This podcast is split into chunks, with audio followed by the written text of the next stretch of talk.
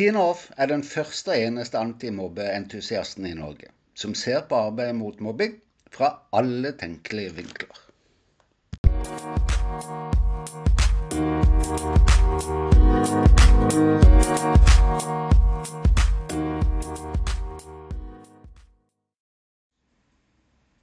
Det er noe uhyrlig kjent over situasjonen læreren står i i disse dager.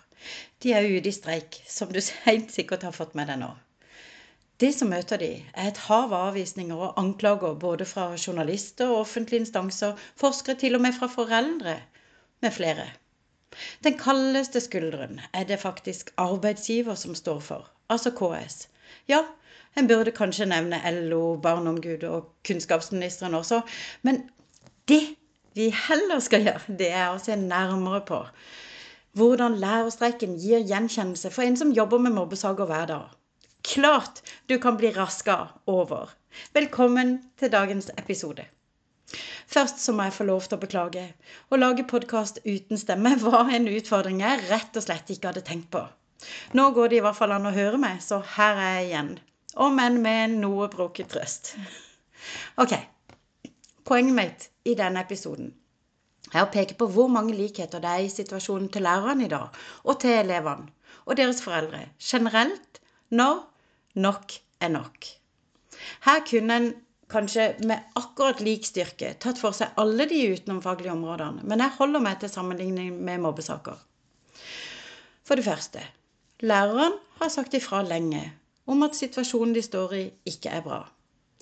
Det samme gjør barna i hvert fall rundt 40% når de opplever mobbing. For ingen av de er det enkelt å si ifra. For læreren er det mange som er gitt munnkurv i ulik grad, mens for barna er mobbing, særlig det å bli utsatt for mobbing, fortsatt skambelagt. For det andre, idet lærerne velger å gå ut i streik, møtes de av holdninger i samfunnet preget av at citat, 'Nå klager læreren igjen'. Barn som sier fra om mobbing, blir altfor ofte møtt med uttalelser som 'Det er nok ikke slik'.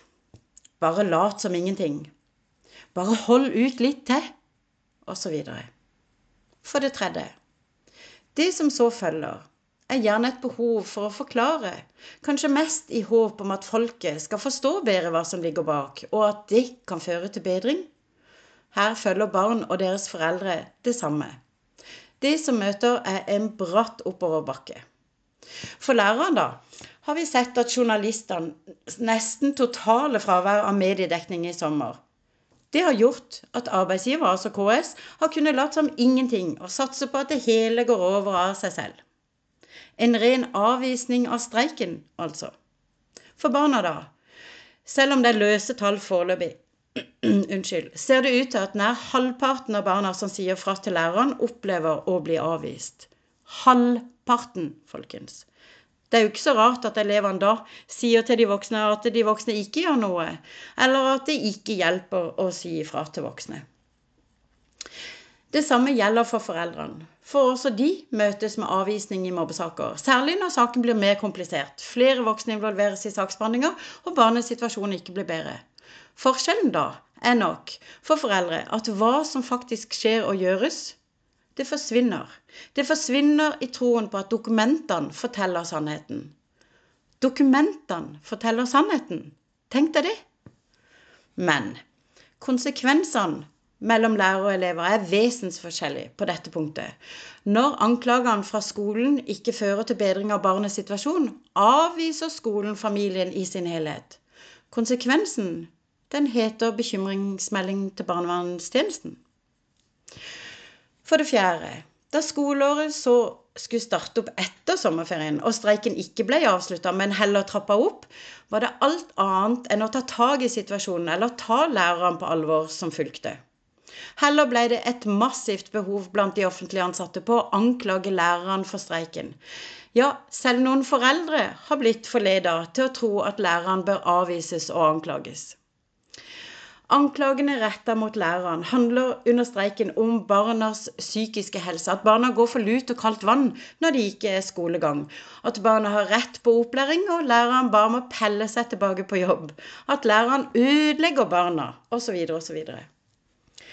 Til forskjell, da, fra anklagene som rettes mot lærerne, opplever barna også anklager fra lærerne og rektorer når de forteller, men da for feil og mangler ved sin egen personlighet og oppførsel når det blir mobbesak, og bedring av barnets situasjon lar vente på seg.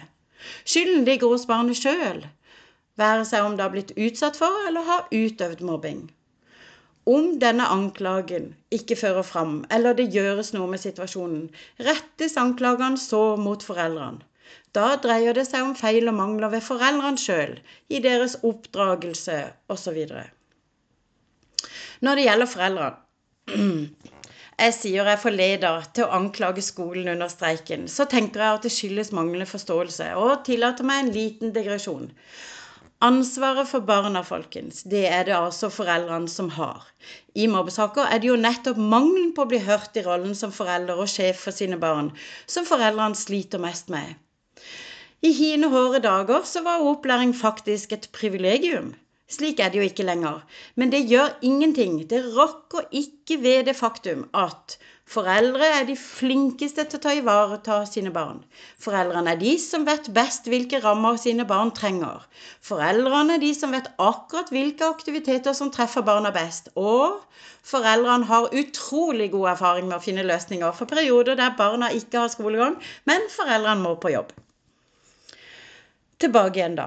Sånn som det ser ut nå, så er KS i ferd med å oppleve nok, nok støtte fra offentlige instanser og samfunnet for øvrig til å kjøre tvungen lønnsnemnd.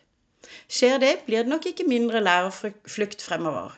Det betyr at en måtte komme til å akseptere ufaglærte i enda større grad enn vi gjør i dag, hvor nesten hver femte lærer altså er ufaglært. For den enkelte lærer betyr det at det nok en gang ikke hjalp å si fra og kjempe for kvalitet for elevene, at det skal kunne gå an å få anerkjennelse for jobben en gjør, ekstrainnsatsen under korona osv. ikke hjalp å si fra om. Det er et nederlag, helt klart, hvor vi kanskje får se en økt lærerflukt, og må akseptere at det blir stadig flere ufaglærte, som jeg sa, som underviser våre barn. Ja, det er et tap også, men konsekvensene er ikke større enn at læreren fortsatt har valg.